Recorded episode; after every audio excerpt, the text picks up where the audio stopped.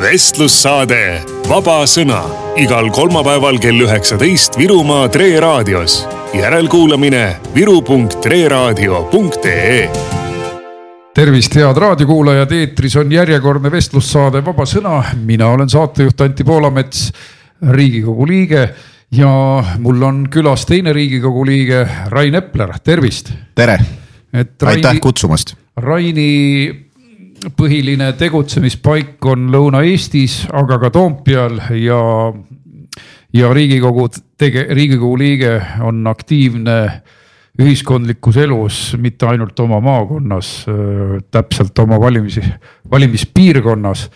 ehk me lahendame üldiseid asju, aga oleme kindlasti ka oma kodukoha patrioodid aga sissejuhatuseks, millest meil täna juttu tuleb. täna on väga eriline päev ja me lindistame kõigest mõni tund enne saate eetrisse minekut ja tormame pärast seda kohe riigieelarve seadust arutama. ehk eh, teise teemana, aga samas põhiteemana arutamegi riigieelarve küsimust. sellest, sellest võiks rääkida terve tunni. seepärast me alustame enne lühemate, aga ka oluliste teemadega. ehk siis räägime sellest, kui palju illegaale Eestis riigu, liigub ajendatuna Kanal kahe saatest ja siseministri vastustest minule. siis me räägime korraks küll mööda minnes Kaja Kallasest ja sellest, kuidas Norras ministrid astuvad tagasi aga Eestis ammugi mitte. Ning siis tulebki obstruktsiooni ja riigieelarve teema. E, ja sissejuhatuseks räägin seda, et täna oli infotunnis meil siseminister.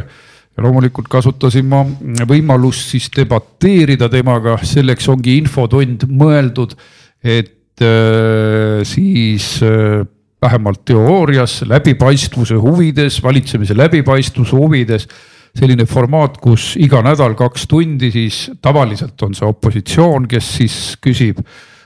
sekka tuleb ka teisi, et ta saab siis pärida pikema, pikemas formaadis kui tavaliselt eh, ministritelt aru et eh, lemmik küsitlusobjekt on meil muidugi Kaja Kallas, eh, kes on neist muide ka üks kõige halvemaid ja ebaviisakamaid vastajaid. kuidas muide sulle tundub, kas Kallas on üks ebaviisakamaid vastajaid? mulle tundub sama ja ma ütleks, et see ei ole mitte nii, niivõrd tunne, ma ütleks, et see on objektiivne reaalsus, et äh, tavaliselt äh, alustab peaminister vastuseid mingi isikliku terava märkuse äh, või repliigiga ja siis äh, läheb küsimuse juurde, millele ta ka reeglina tegelikult vastuseid ei anna, vaid loeb ette oma jutupunkte. Selle juurde tuleme veel tagasi Kallase punkti all, et äh, aga ma märgin seda, et minu küsimus oli siseminister Läänemetsale seotud äh, teleajakirjanik Elo Mõttus-Lepik, Lepiku käiguga. äh, politseireidil, kus otsiti siis äh, Boldi äh, platvormtööfirma autodest illegaale ja uuriti, milliseid skeeme kasutavad siis Araabia, Aafrika ja Aasia kodanikud Eestis ebaseadusliku sissetuleku teenimiseks. muidugi tõesti olid seal põhiliselt Bolti autod, teada-tunda kahtlusalused, et kus ei räägita eesti keelt, kus istuvad illegaalid või siis lihtsalt võõramaalased, kes võtavad siin Eesti taksojuhtidelt tööd ära.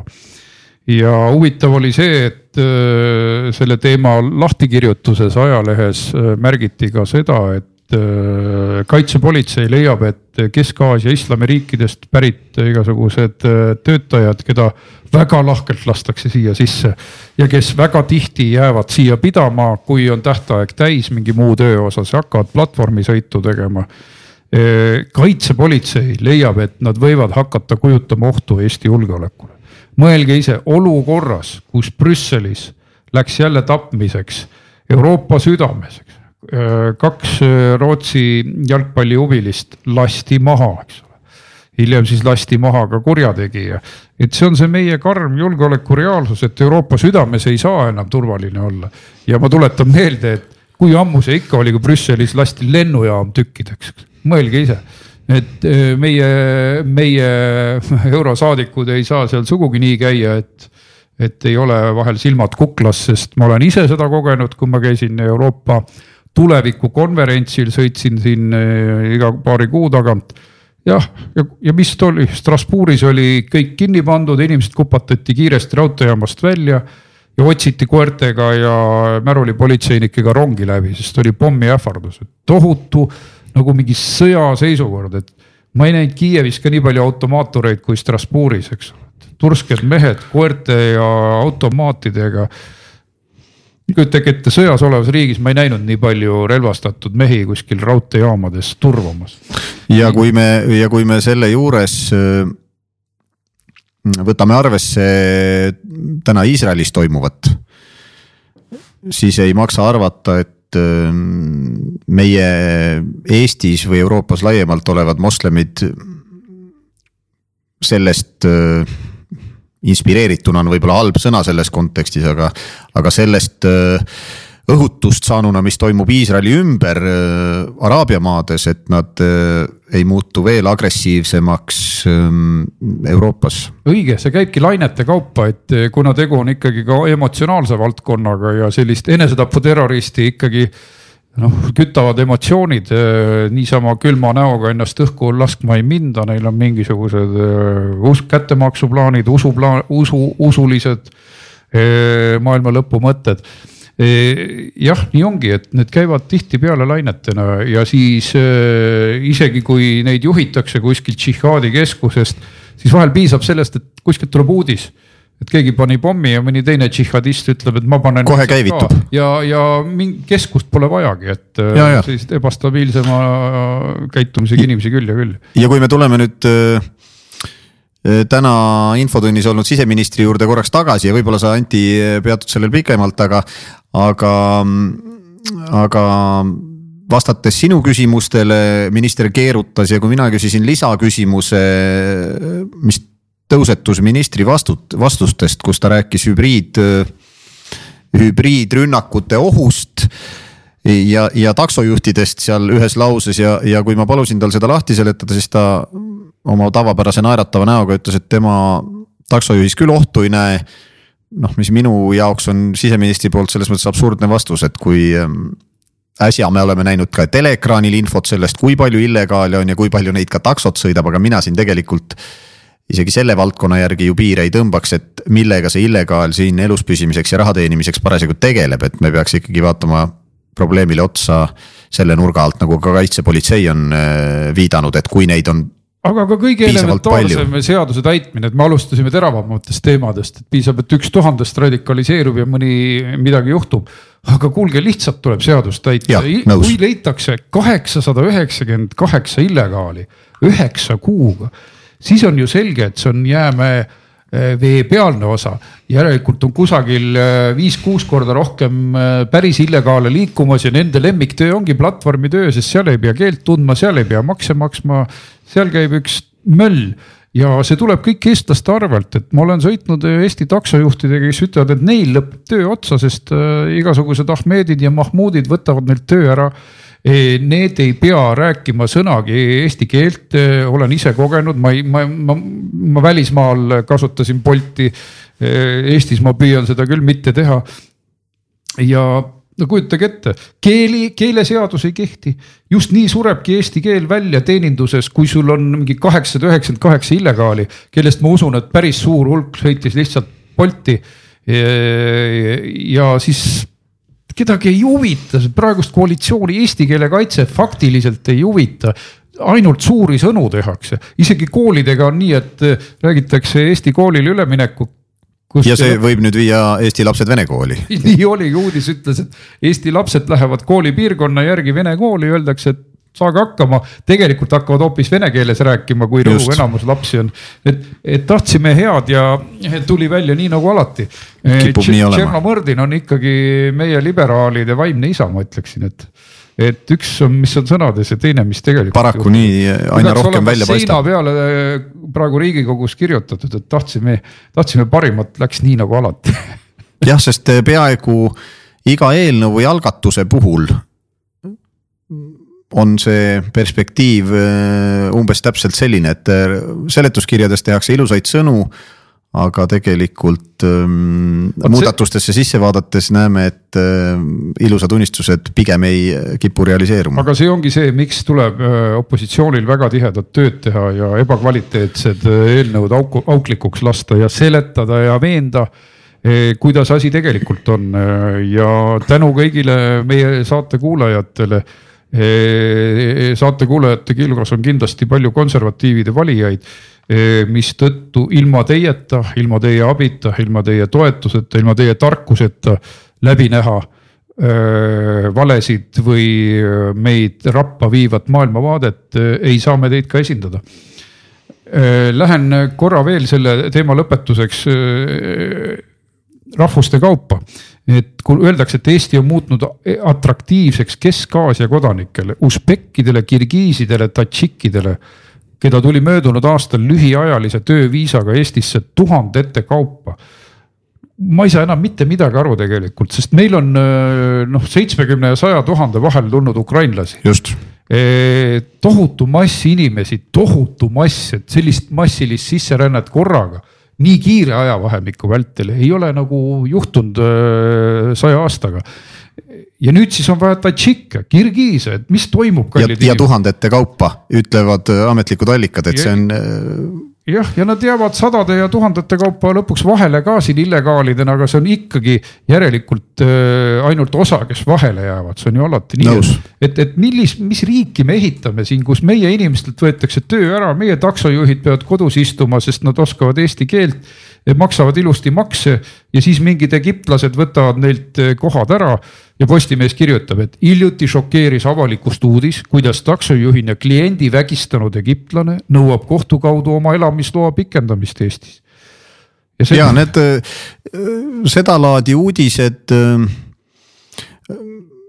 noh, tekitavad tunde, nagu me elaks mingis halvas unenäos. et selline loomulik reaktsioon on, et see ju ei saa nii olla. ja kui me vaatame seda, mis toimub ümberringi nii-öelda vanas Euroopas, siis, siis ma olen kindel, et varsti me oleme seal, kus enam ei öelda, et egiptlane ja, ja, ja moslem ja nii edasi, vaid proovitakse seda teemat veel ka hägustada. et numbrid räägivad üht, aga kui uudises ütled välja, kuidas asi on, siis äh, hakkab sind ohustama juba vaenukõne paragrahv, mis ju valitsusel on plaanis jõuga äh, läbi järjekordselt suruda, nii et äh, ei ole perspektiiv sugugi helge, otse vastupidi. kahjuks me peame teid tõesti kurvastama, et minu jaoks on helge ainult see, et meil on rahvuslased olemas, kes veel võitlevad ja kui meil seda ka ei oleks, ma ütleks ise, kui ma ei oleks äh, nagu poliitikas, siis, siis selline tunne, et sellise erakonna peab tegema, kui teda ei oleks, iga hinna eest. ja mul on hea meel, et äh, me oleme juba mitmendat koosseisu noh võitlemas nende samade rahvusriigi aluspõhimõtete eest. aga korraks veel üks äh, tragikoomiline märkus. nimelt me kohtusime äsja politsei peadirektoriga härra Belitševiga kes ütles äh, meile otsesõnu, et jah, väga palju on erandeid siis äh, noh töö tegemisel Eestis, muidu on meil kvootreeglid paigas, äh, mitte kõige hullemad reeglid. aga siis on kakskümmend erandit, kes kõik võivad sisse rändada väljas, väljaspool sisserännukvooti, väljaspool palganõudeid ja siis selgus, et nende alla kuuluvad isegi postitantsijad sellega, et neid liigitatakse etenduskunstide alla. kujutage ette ja siis äh, ma lähen saali ja kuulen äh, omaenda küsimuse peale, et minister, siseminister ütleb, et ei, sellist asja küll ei ole kes siis nüüd valetab, kas PPA peadirektor või siseminister, sõbrad, kes valetab või ei tea ta üldse mitte midagi, aga valega ta maha sai. ja ma kahtlustan ikkagi pigem, pigem siseministrit, et ta ei tea suurt midagi. kipun sinuga nõustuma, ju politsei äh, tippjuht teab täpselt, sest ta on pidanud need erandid endale selgeks tegema, sest nemad menetlevad neid kaasusi ja. ja kui sellest kaasusest veel korra rääkida, siis nagu sa ütlesid, need reeglid, mis meil justkui kehtivad. Ei olegi kõige hullemad. Ja, ja ongi seotud palganõudega, on seotud erialadega, kus me aeg-ajalt vajame inimesi väljaspoolt, et on enda majandust edendada. aga nüüd, nagu me näeme, on terve hulk erandeid, mille põhjus jääb pehmelt öeldes küsitavaks. No nii me saamegi äh, Karl Vaino ajastusse tagasi, et äh, ligi sada tuhat sisserändajat pooleteise aastaga, lugematu hulk illegaale. Ma ei tea, kes seda tahab, mina, mina tean üheksa, kaheksakümnendate lõpul, et kes, peatame Lasnamäe oli peamine loosung vabadusvõitluses ma olen mõelnud äh, nii selles küsimuses kui tegelikult tänase valitsuskoalitsiooni erinevates algatustes, olgu need äh, väärtusküsimused, maksuküsimused või muu, et.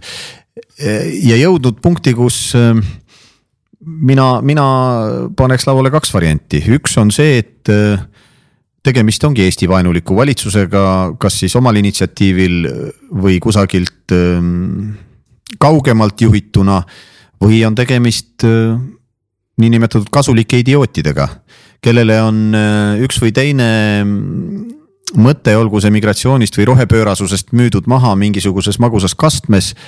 ja kes äh, nagu lapsed äh, seda sinisilmselt uskudes nüüd ellu viivad ilma tegelikku tagajärge analüüsimata, neid ohte nägemata. aga läheme nüüd lubatud järgmise teema juurde, nimelt mõnes riigis on standardid veel paigas. nimelt Norra välisminister pidi abikaasa aktsiatehingute tõttu ametist tagasi astuma ja ebamugav oli. Anniken Huitfeld astus hiljuti tagasi ja kuigi ta oli väga populaarne, siis oma erakonnas igati edukas minister. aga piisas sellest, et ministri abikaasa ostis pärast äh, tema väli, äh, välisministriks saamist kahe tuhande kahekümne esimesel aastal aktsiaid palju suuremas mahus äh, kui ka proua ise arvas. tegi neid investeeringuid kaitsetööstuskontserni, mis on siis saanud Ukrainas toimuva sõja osas riigi, riigilt palju rahasüste ja kuigi nagu otseselt võrreldes Kallase juhtumiga ei tundu see sugugi nii hull, et kes keelab mingeid aktsiaid osta avaliku info põhjal. järelikult järeldati, et see info oli justkui siseinfo ja see ei näe nii ilus välja, kui peaks. nõus sinuga, et, et sellistes asjades nagu öeldakse, asi mitte ei pea aus olema, vaid peab ka näima aus ja, ja see Norra näide tõestab meile, et vaatamata aeg-ajalt hõigatavale, välja hõigatavale loosungile, et kuidas me oleme Skandinaaviasse jõudnud, siis meil on sinna ikkagi pikk maa, sellepärast et. Kaja Kallas ju pani mm, oma abikaasa äridesse ise raha sisse, rääkis meile, kuidas ta sellest ei teadnud midagi ja Aga järgmisel teadis. päeval tuli juba ajakirjanduses jälle info, kuidas ta teadis ja nii edasi ja nii edasi, ehk et. osales, lisaks ka valetas ja vassis, aga ise näeb ikkagi olukorda sellisena, et äh, see on minu abikaasa asi ja meie peres omavahel tööst ei räägi. noh, ma arvan, et vaatamata juttudele sellest, kuidas äh, meie partnerriigid Euroopas justkui ei pööra sellele tähelepanu, siis mina usun küll, et skandinaavlased ei pruugi mõista seda, et kuidas see saab nii olla, nagu meie peaministri ei, puhul on olnud. Nad ei mõistaks seda ja kui nad teaksid kogu asja, no võib-olla nad teavad seda küllaltki pinnapealselt, aga. ja läbi Kaja Kallase aga, versiooni. aga neil on selline siseriiklik probleem, et tuleb olla eetiline ja astub selle tõttu tagasi, ma ei usu, et siin mingit välispoliitilist kahju tilga võrragi nagu iseenesest tekitati. jah, selle kaasuse puhul kindlasti mitte. sest esiteks nad ostsid Norra kontserni aktsiaid mitte siis ja ja noh, ja tegelikult on ju loogiline, et sõja ajal lihtsalt sõjatööstuse aktsiad tõusevad, selleks ei ole siseinfot vaja. Jah, nõus aga, aga Kallase puhul on niimoodi, et nad nägid vist ka, eh, vähemalt tema abikaasa nägi selgelt, et sõda tõstab eh, Venemaaga ärivõimalusi. sest head inimesed, ärge unustage, sõda käis kahe tuhande neljateistkümnendast aastast. siis kui Kaja Kallase abikaasa arvas, et business't on hea Venemaaga teha, et see on täiesti ebaeetiline. veel sellises valdkonnas, see ei olnud mingi noh, nii-öelda ravimite müük lastele, vaid see oli metallid ja kuhu võis villida nendesse pudelitesse relvaõlisid.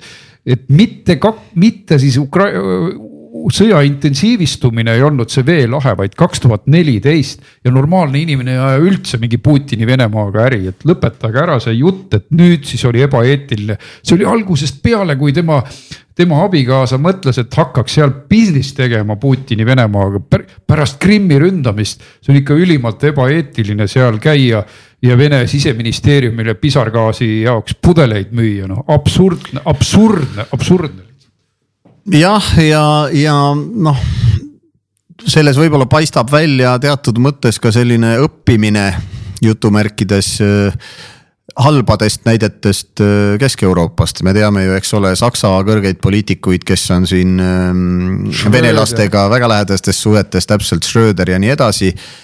et äh, meie kurvastuseks, aga võib-olla tuleb tunnistada, et meie peaminister on eeskujudeks võtnud pigem sellised poliitikud ja äh, rohkem me ei saa äh, sellele õnnetule loole aega kulutada. Äh, me teame, kuidas meil asjad käivad, et siin ei astu naljalt keegi tagasi, kui välja võtta siis Kalle Grünthal, kes EKRE fraktsioonist lahkus ja EKRE-st lahkus selle rünnaku tõttu, nii et võrreldes Kallasega ma ütleks, et äh, mehine samm. Äh, mitte tõmmata siis, äh, nagu ta oma pressiteates ka teatas, et mitte tõmmata erakonnale nagu halba varju ja rünnakuid. Aga Kallas tõmbab rahulikult Reformierakonnale rünnakuid kraesse ja jätkab samas vaimus ja mitte, mitte, mul ei oleks kahju, kui Reformierakonnale rünnakuid tõmmata, see tõmbab Eestile, kogu Eesti välispoliitikale ebausutava maine šlikerdaja, sahkerdaja. ja selle tulemused on tegelikult juba näha, et et see vahepeal olnud selline eestkõneleja roll vähemasti Ukraina küsimuses, see on nüüd kadunud. see on täiesti upis, see on nii õõnes, kui ta seda jätkab. aga siiski, täna tuleb meil pikk öö. tõenäoliselt riigieelarvega on ikka olnud kõige suuremad põletavad lahingud aga seekord on meil palju pikem protsess. Räägi, kuidas sina meie võitlust näed obstruktsiooni pidamisel mina näen seda, et meil on väga palju sisulisi eelnõusid, me teeksime seda ka ilma nõndanimetatud obstruktsiooniga, et meil on, meil on niivõrd palju oma programmilisi eelnõusid, me teeme seda lihtsalt rohkem kui tavaliselt. aga me, me tegime seda ka neli aastat tagasi. on obstruktsioonilisi, mille eesmärk on takistada tegevust, venitada kuidas sulle tundub meie võitlus, kas me oleme suutnud ka midagi ära hoida või ainult takistada?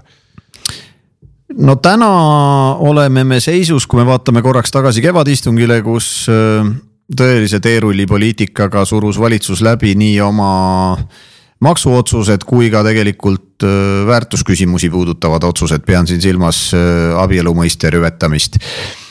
ja, ja siis saabus suvi ja nüüd sügisel hakkas koalitsioon läbi meedia ehitama sellist narratiivi, et hea küll, kevadel tehti obstruktsiooni, aga hakkaks nüüd tööle. ja ma olen seda inimestele nii kohtumistel kui ka oma kirjutistes öelnud, et, et see ei ole ju tegelikult loogiline jutt, kui inimesed korraks hinge tõmbaksid ja mõtleksid, siis ega see ei ole ju kompromiss kui tehti ära asjad, millega me nõus ei saa olla. et puhtalt ainuüksi sellepärast, et nüüd on suvi vahepeal olnud, et äh, jätame need nii ja läheme eluga edasi. seda esiteks ja teiseks äh, on minu arust inimestel oluline aru saada ka seda, et täna ei ole ju see ainult meie või opositsiooni teema. vali, vastuseis valitsuse tegevusele ja otsustele on kogu Eestis. väga erineva maailmavaatega inimesed, ma ütleks, et äh, kõigi erakondade valijad on vastu sellele, mida valitsus täna teeb äh, maksupoliitikas, äh, väärtusküsimustes, olgu see abielu või see viha ja vaenukõne seadus, mis tulemas on ja tegelikult sellele tulebki vastu seista. et mõni inimene püüab küsimuse mm, ümber formuleerida ja, ja hakata rääkima sellest, et aga mida te teeksite, ma ütleks, et täna ei olegi seda küsimust vaja esitada, täna on nii palju asju, mis tuleks jätta tegemata, sest et äh, need otsused äh, on nii lühiperspektiivis kui näiteks energeetika vallas. Need initsiatiivid, mis me näeme, on ka pikas perspektiivis Eestile ohtlikud ja ma saan aru, et kui mõni inimene klõpsab unetul ööl äh, otse üle, Riigikogu otseülekandele ja näeb seal parajasti viieminutilist ettekannet, noh, mis on kas naljakas või, või ei tundu otseselt teemasse puutuvat, siis ka sellel hetkel tuleb aru saada, et, et selle obstruktsiooni mõte on tegelikult need hammasrattad krigisema ja seisma saada ja sellepärast sellepärast ei ole tähtis, et saadik läheks pulk, pulti ja ütleks ühe minuti jooksul eriti sügava mõtte. vaid mõnel hetkel võib olla tähtsam viis või kaheksa või kakskümmend minutit tööaega tegelikult sisustada. Ja see on ka töö ja see ei ole sugugi kerge töö ega meelakkumine siin sellele valitsuse tegevusele vastu seista. kurb! Ja nüüd ma viskan kivi meie opositsioonipartnerite kapsaaeda, on see, et on näha isamaalaste ja keskerakondlaste hulgas, ma ei tea, on see siis käega löömine, noh on terve rida asju, millele Isamaa loosungites ja kirjutistes ja sõnavõttudes vastu seisab, võtame näiteks automaksu. no aga ega seda automaksu muidu ära ei hoia, kui ei pane valitsust seisu, kus tuleb samm tasu, tagasi astuda. aga, aga selle jaoks oleks vaja, et ka isamaalased oleksid saalis ja toetaksid meid nendes pingutustes et see masinavärk seisma saada?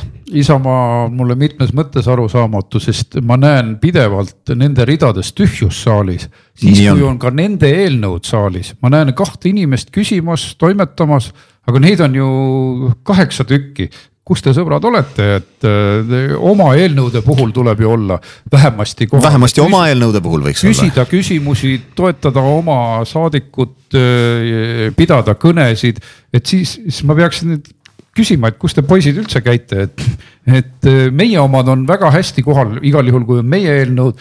siis, kui meil on infotunnid, äh, meie anname lahingu, me oleme nagu opositsioonis need, kes võtavad kaheksakümmend protsenti ajast ja teevad tööd, eks ole. tavalist opo, olulist opositsioonitööd, et, et ma tõesti ootaksin, et äh, Isamaa, kelle reiting praegu jõudsalt tõuseb, et teeniks sellega välja eh, sisulise tööga, mitte vahel piisab sellest, et erakond ei teegi mitte midagi ja tema reiting tõuseb. Eh, ja konkurendi laip ujub mööda, eks siis praegu jällegi noh, jah, Isamaa. eks nad on olnud palju uudistes, aga sugugi mitte sellega, et nad nii väga palju teinud oleks hetkel sellega, et äh, Isamaa hakkab keskmaaks muutuma Just. ja toimub üsna hulgi, hulgaline ületulemine Isamaa poolele. aga kes, kas see nende maailmavaadet tugevdab või rahvuskonservatiivset maailmavaadet tugevdab, see on nüüd küll sügava küsimärgi all. see võib ka valijate peades ikka väga suure segaduse tekitada, need liitumised. Ja, aga täna tuleb tõesti kõva istung öö läbi, et äh, ma olen koalitsiooni omadelt näinud, kuidas nemad teles poseerivad mingite täispuutud madratsitega ja oigavad ja hädaldavad. püüavad ohvri rolli etendada. aga siis ei ole vaja üldse hädaldada, kui nad teevad vihakõneseadust ja, ja proovivad meid vangi panna sellega tulevikus, et siis, siis nad ei tee teist nägugi, me ütleme, et teeme ka mõne kompromissi, me võtame survet maha teil, eks. Millist.... seni ei ole ühtegi sisulist kompromissi pakutud ei ole, ei ole, aga ajaloos on neid küllalt olnud, kus on aur välja lastud, opositsioon on tagasi tõmmanud. aga me ei saa ju öelda, et ah, las olla, praegu on abieluseaduse, abielu pilastamise seadus on, nad pressisid läbi tuima näoga ja siis ütlevad, et ah, andke nüüd alla, eks ole, hakkame nüüd headeks ja korralikeks. ja nüüd tule, nüüd. ja siis ütlevad, aga teeme pea... vihakõne ka, aga noh, las tulla. siis las, aga, aga neil on niivõrd kaugele ulatuvad sihid, nad tahavad meid puruks lüüa Eh, sellega, et meid ebaseaduslikult takistada valimistele minekul, et mõne Facebooki postituse pärast, ühe, teise, kolmanda pärast, et see on neile ideoloogiliselt niivõrd oluline. Eh, tsensuuri sisseviimine, et nad raiuvad läbi, aga siis ma küsin, et mida see obstruktsioon siis justkui mõjutab, et nad, nemad eh, püüavad suruda läbi narratiivi, et parlament ei saa tööd teha. jah, vot see on üks huvitav võltsnarratiiv, mida surutakse. aga kõik põhiseadusvastased eelnõud jõuavad ilusti saali ja mitte ainult, et eelnõu ise on põhiseadusvastane, vaid jõuavad ka saali tihti seadusevastaselt. küll äh, tõstetakse menetluses omi asju ettepoole, küll ei võeta mõndasid asju üldse õigeaegselt menetlusse ja nii edasi ja nii edasi, nii et. Äh, Nad on kuude kaupa maas siin. väga need, jõuliselt surutakse asju. Need, need, mis me kevadel sisse andsime, muidugi me panime need surve avaldamiseks, aga nemad peavad pingutama selle nimel, et seadust täidetaks, tehku lisaistungeid, muidugi see on neile lisatöö, aga meie oleme ka ööistungeid teinud, kui me valitsuses olime, siis nad ei löönud millegi ees risti ette, ronisid mulle kabinetti ja hakkasid laamendama, et uh, uputasid riigikogu roppuste ja hullumeelsuste ja Venemaaga liitumistega üle. meie teeme seda väärikalt uh,, avaldame survet, nagu tavaliselt on opositsiooni tehtud e,. hästi palju sisulisi eelnõud oleme teinud, ma teen ise siin ööd läbi neid seletuskirju nii et äh, saab teha väärikalt seda asja ja samas see argument, head kuulajad, on laualt maas, et nemad ei saa oma asju teha. Nad peavad mõnda asja aeglasemini tegema, aga kuidas on siis täna muidu nimekirjas hulk nende eelnõusid? on mõni meie eelnõu, on nende eelnõud, nad on lihtsalt teinud niimoodi umbes pooleks, et üks üks pool päeva on opositsiooni eelnõud, siis on nende eelnõud, et nad ei järgi seda, mis järjekorras on sisse astu-, antud ja nii edasi. see jutt ei päde, et ei saa töötada ja, mina ikkagi ütleks, et äh, see ongi töö, see ongi töö, opositsiooni töö ongi seista vastu asjadele, mis ei ole mõistlikud, mis ei ole Eesti huvides. ja tegelikkuses on ju terve rida ka selle obstruktsiooni ajal, nii kevadel kui nüüd, olnud terve rida teemasid riigikogus, kus äh, ei ole mingit vastuseisu olnud, kuna on tegemist äh, mõistlike eelnõudega olnud ja nii edasi, et see on selline jah, ma ütleks võltsnarratiiv, mida kujundatakse, et ei saa tööd teha, kas tõesti koalitsioonisaadikud kujutavad tööd ette sellisena, et saadikud tulevad saali. nii-öelda koputavad ära valitsusest tulnud eelnõud ja siis lähevad vaba aega veetma, et. ja siis öö, ütlevad opositsioonile, et ah ärge pahaks pange, et me paneme teid vangi küll vihakõneseadusega, aga elame sõbralikult edasi. jah aga korraks numbrite juurde ka, et täna äh, läheb siis äh, ju riigieelarve esimesel lugemisel äh, kõvaks müt-, müttamis-, müdistamiseks ja tulistamiseks. tuletame meelde, et suurem osa energiast, miks on vaja neil meeletult maksutõuse korraldada, uusi makse välja mõelda, on nende enda valimislubadus, nelisada miljonit maksuküüru kaotamiseks see ja, ja tegelikult mina ja see rohepööre on olnud minu ka üks teemasid, noh, minu suur kahtlus, mis aina rohkem sõnumite, sõnumeid lugedes, mis valitsusest tulevad, kipub tõeks saama. et suur osa rahast korjatakse veel kokku selleks, et, et rohepöörasust edendada, olgu need siin planeeringute kiirendamised taastuvenergia võimsusteks mis minu, minu hinnangul energeetiliselt on äh, tupiktee ja, ja sedapidi Eestile ohtlik. ja, ja olgu need kõik muud äh, valitsuse esindajad nimetavad äh, uhkelt neid investeeringuteks, räägivad siin ühe koma seitsmest, ühe koma üheksast miljardist eks me täna öösel hakkame lahkama ka seda poolt, et kuhu see raha ikkagi täpselt läheb. ja, ja teise poole pealt on ikkagi saadikute jaoks aina udusemaks minemas see, et et kuhu raha kulub ja, ja noh, teatavasti ütles kuulsad sõnad meie praegune rahandusminister, ütles, et raha kulub igale poole. ja, ja noh, ütleme siin mõned näited, ma täna vaatasin seda mm, riigieelarve eelnõu ja seletuskirja, üks näide, et siin meil plaanitakse tõsta teekasutustasusid kui asi on arutlusel majanduskomisjonis, siis öeldakse, et loodetakse lisatulu kaksteist miljonit. Vaatasin rahandusministeeriumi lehelt seda eelarve töölauda, seal on kirjas kuus. haridusminister meie fraktsiooniga kohtudes rääkis, et circa üheksa protsenti põhihariduse eelarvest kulub sisserännanute peale, valdavalt ukrainlaste peale ja kui ma siis küsisin, et aga mis see number on, et kas ma kusagil näen riigieelarves mõnes tabelis seda rida, et mis see põhihariduse eelarve kokku on. Sain vastuseks ei näe.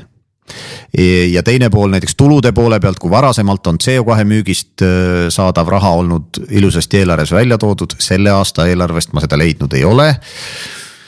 noh, ja selline talupoja mõistus ütleb, et mida sogasem vesi, seda suuremaid kalu sealt keegi püüab, eks äh, meie asi on nüüd püüda vett nii palju selgemaks saada, et, et suuremaid lollusi ära hoida jah, eh, me avaldame survet eh, ja no edastame sõnumi, sõnumeid, milline peaks meie silme järgi eh, riik olema.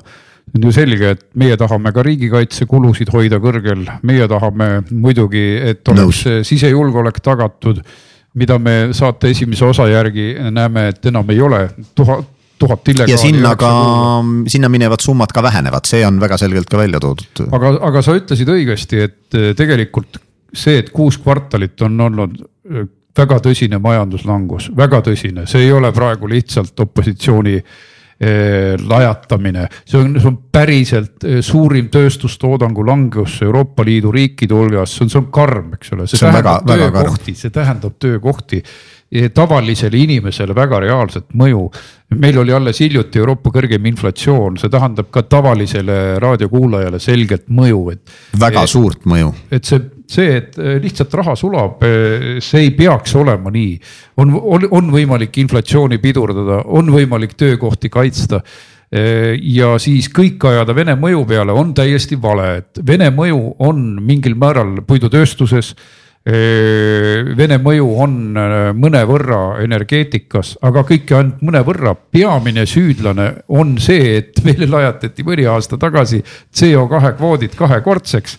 energiasisendid on kohutava hinnaga, aktsiise nüüd plaanitakse jälle tõsta, tõsta, et kui läheb ettevõtjal kõige tähtsamate või vähemalt kõige kohustuslikumate sisendite hind kõrgemaks, siis on selge, et paljud ei tule enam ots otsaga kokku. Nad ei ole enam isegi Skandinaavia riikidega konkurentsivõimelised. tuleb kas kulusid äh, väga oluliselt kokku tõmmata, mis enamasti tähendab äh, halbu uudiseid töötajatele või siis tuleb äh, mõnel juhul pood üldse kinni panna ja jälle saab terve hulk inimesi pihta too mm. mõni näide, Lääne-Virumaal alles pandi Näpi puidutööstus kinni, vähemalt sada inimest lendas välja. Kunda eh, väga täht-, tähtsat eh, tsemenditehast on kogu aeg rapitud ja rapitud CO2 kvootide pärast. Lõuna-Eestis on ju puidutööstus väga tugeva löögi all. on absoluutselt eh, ja, ja ma olen erinevate valdkondade ettevõtjate käest küsinud noh, kuidas läheb ja kuidas seis on äh, niimoodi äh, eravestluses ja, ja kaks vastust, mis ma saan. üks on see, et äh, sisemisete ressursside arvelt hoitakse veel inimesi, sellepärast noh, ettevõtjad teavad, et väärt väärt töötaja on palju väärt ja uut leida on raske, kui peaks asjad positiivsemaks keerama, mida mina lähiajal küll ei näe, vaadates ka Eesti ümber toimuvat. aga see hoidmise jõud hakkab otsa saama ja ja teine, mis on veel kurvem uudis, ikkagi paljud otsustavad ettevõtlusega lõpetada. Enda ütleme raha sealt välja võtta ja, ja väga paljud inimesed vaatavad juba Eestist väljapoole, kuhu elama asuda ja nii edasi, nii et korratakse samu trikke, eh, vigu õieti siis, eh, mis, mida tehti kaks tuhat kaheksa, kaks tuhat üheksa, et. et see lükkas inimesed kodumaalt välja ja, ja nende maksud kolivad samamoodi välismaale. Eh, see on täiesti vale poliitika, kõige tähtsam on oma inimesi hoida. tõsi, tõsi ja, ja, ja siin noh, tulen tagasi saate alguse juurde loomulikult Eesti on väike ja sõltub palju sellest, mis toimub meie ümber aga kriitika valitsuse suhtes tuleb nii ettevõtjatelt kui inimestelt üle välja, sõltumata maailmavaatest.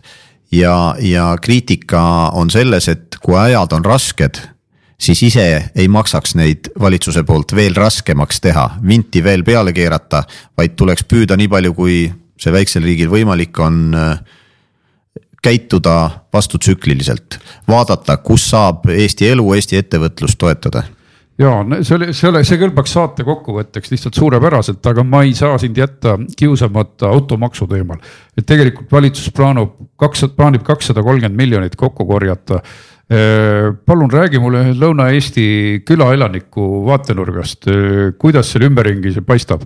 Esiteks regionaalpoliitiliselt, paljudel ongi vaja kahte autot, et lapsi huviringi viia, et lihtsalt tööl käia paljudel on vaja maasturit, et üldse külateel mitte kinni jääda ja maasturit hakkab vaja olema aina rohkem, sest kui me vaatame ka seda raha, mida plaanitakse mitte teede ehitusse, vaid ka teede korrashoidu panna, siis ne, see raha hulk väheneb, mis tähendab, et. et teede olukord kindlasti halveneb, teehoolduse olukord halveneb. ehk et vaja on võimsamat autot kui mm, linnas tööle ja koju sõitmiseks ja nii nagu ka kevadel me rääkisime sellest palju, valitsuse otsused, mis puudutavad laste arvelt tulumaksuvabastust, mis puudutavad suurte perede toetuste vähendamist ja nii edasi. siis nüüd jälle minnakse eelkõige lastega perede kallale, ka selle automaksu võtmes, sest just maal on, olgu need huviringid või ka lihtsalt koolis ja lasteaias käimine. Logistika on selline, et tõesti peredel ongi vaja kahte autot ja või on vaja suuremat autot. mõlemal juhul see automaks lööb neid inimesi valusamalt. ja noh, võrreldes sissetulekuid ja kehtestatavaid makse, olgu need käibemaks, automaks ja kõik muud koormised, siis jällegi ehm, madalama sissetulekuga inimesed kannatavad rohkem ja nagu me teame, Eesti statistilised näitajad, ma arvan, see on ka mujal maailmas sageli nii, et suurtes linnades on ka sissetulekud suuremad, maal väiksemad, nii et, nii et see löök või ütleme, need. regionaalpoliitiliselt. noh, minule on hakanudki tekkima tunne, et kas tõesti ongi plaan tegelikult maapiirkonnad inimestest ikkagi tühjemaks saada, tühjemaks teha vägisi ja korra toon paralleeli, seesama kakssada kolmkümmend miljonit ja nüüd CO2 kvoodi tulud, et täna Eesti iseenda seadusega seob pool sellest kvooditulust rohe-eesmärkidega, et seda ei saa mujale kasutada kui erinevate roheideede elluviimiseks. Euroopa direktiiv selles osas lubab seda raha tegelikult vabamalt kasutada. Noh, ma ütlekski, et valitsuskoalitsioon oleks võinud toetada meie poolt sisse antud eelnõu, et, et lubame selle raha vabamalt kasutamist, näiteks, et kriisi ajal me saaksime seda muudel eesmärkidel kasutada ja valitsusel oleks kohe olnud paarsada miljonit kaks poolsada julgelt. ehk et seesama automaksu summa, mis meile täna koormisena peale äh, plaanitakse panna, selle oleks võinud leida raskel ajal muust allikast, kui tõeliselt hoolitakse enda no, riigist ja rahvast. kaheksasada, üheksasada miljonit oleks pangamaksust saanud, et ja, nüüd nad said nibin-nabin, nibin-nabin siin äh, midagi. alla saja. üheksakümmend jah ja. kuskil, et äh, jätsid seitsesada miljonit pankadele taskusse ja ülejäänud pigistatakse jõuga välja siit noh, tavalistest inimestest, et eh, mis selles halba on, et inimene ostab kvaliteetse Volvo maasturi, et jõuda oma koju. Viimase Volvo, Volvo maasturid on väga eh, loodust hoidvad selle koha pealt, et ei tossuta. ja samal ajal eh, mingid vanad rondid, eks ole, mida on ka vaja inimestel taaskord madalamalt, aga fakt on see, et meid äh, suunatakse vana autopargi poole. ja ma kirjutasin Postimehes ka temaatilise artikli, et see toob maanteedele uusi ohte, et autod ju lagunevad, et miks meid suunatakse Kuuba suunas kui.... aga ometi, kui minister siin saalis käib, siis tema jutt peamiselt ei ole mitte rahast, vaid äh, kaunitest rohe-eesmärkidest, et, et jälle me näeme sõnade ja tegude lahknevust, jälle me näeme silmakirjalikkust, näeme seda mida. utoopiate nimel äh, öeldakse äh, nagu seltsimees Stalin, et äh, kui metsa raiutakse, siis laastud lendavad ja ka paraku see ei ole mingi automaks, et seda energeetika lammutamist ja mingite hullude ideede levitamist saab olema veel nii palju, et me jõuame veel kümneid saateid sellega täita.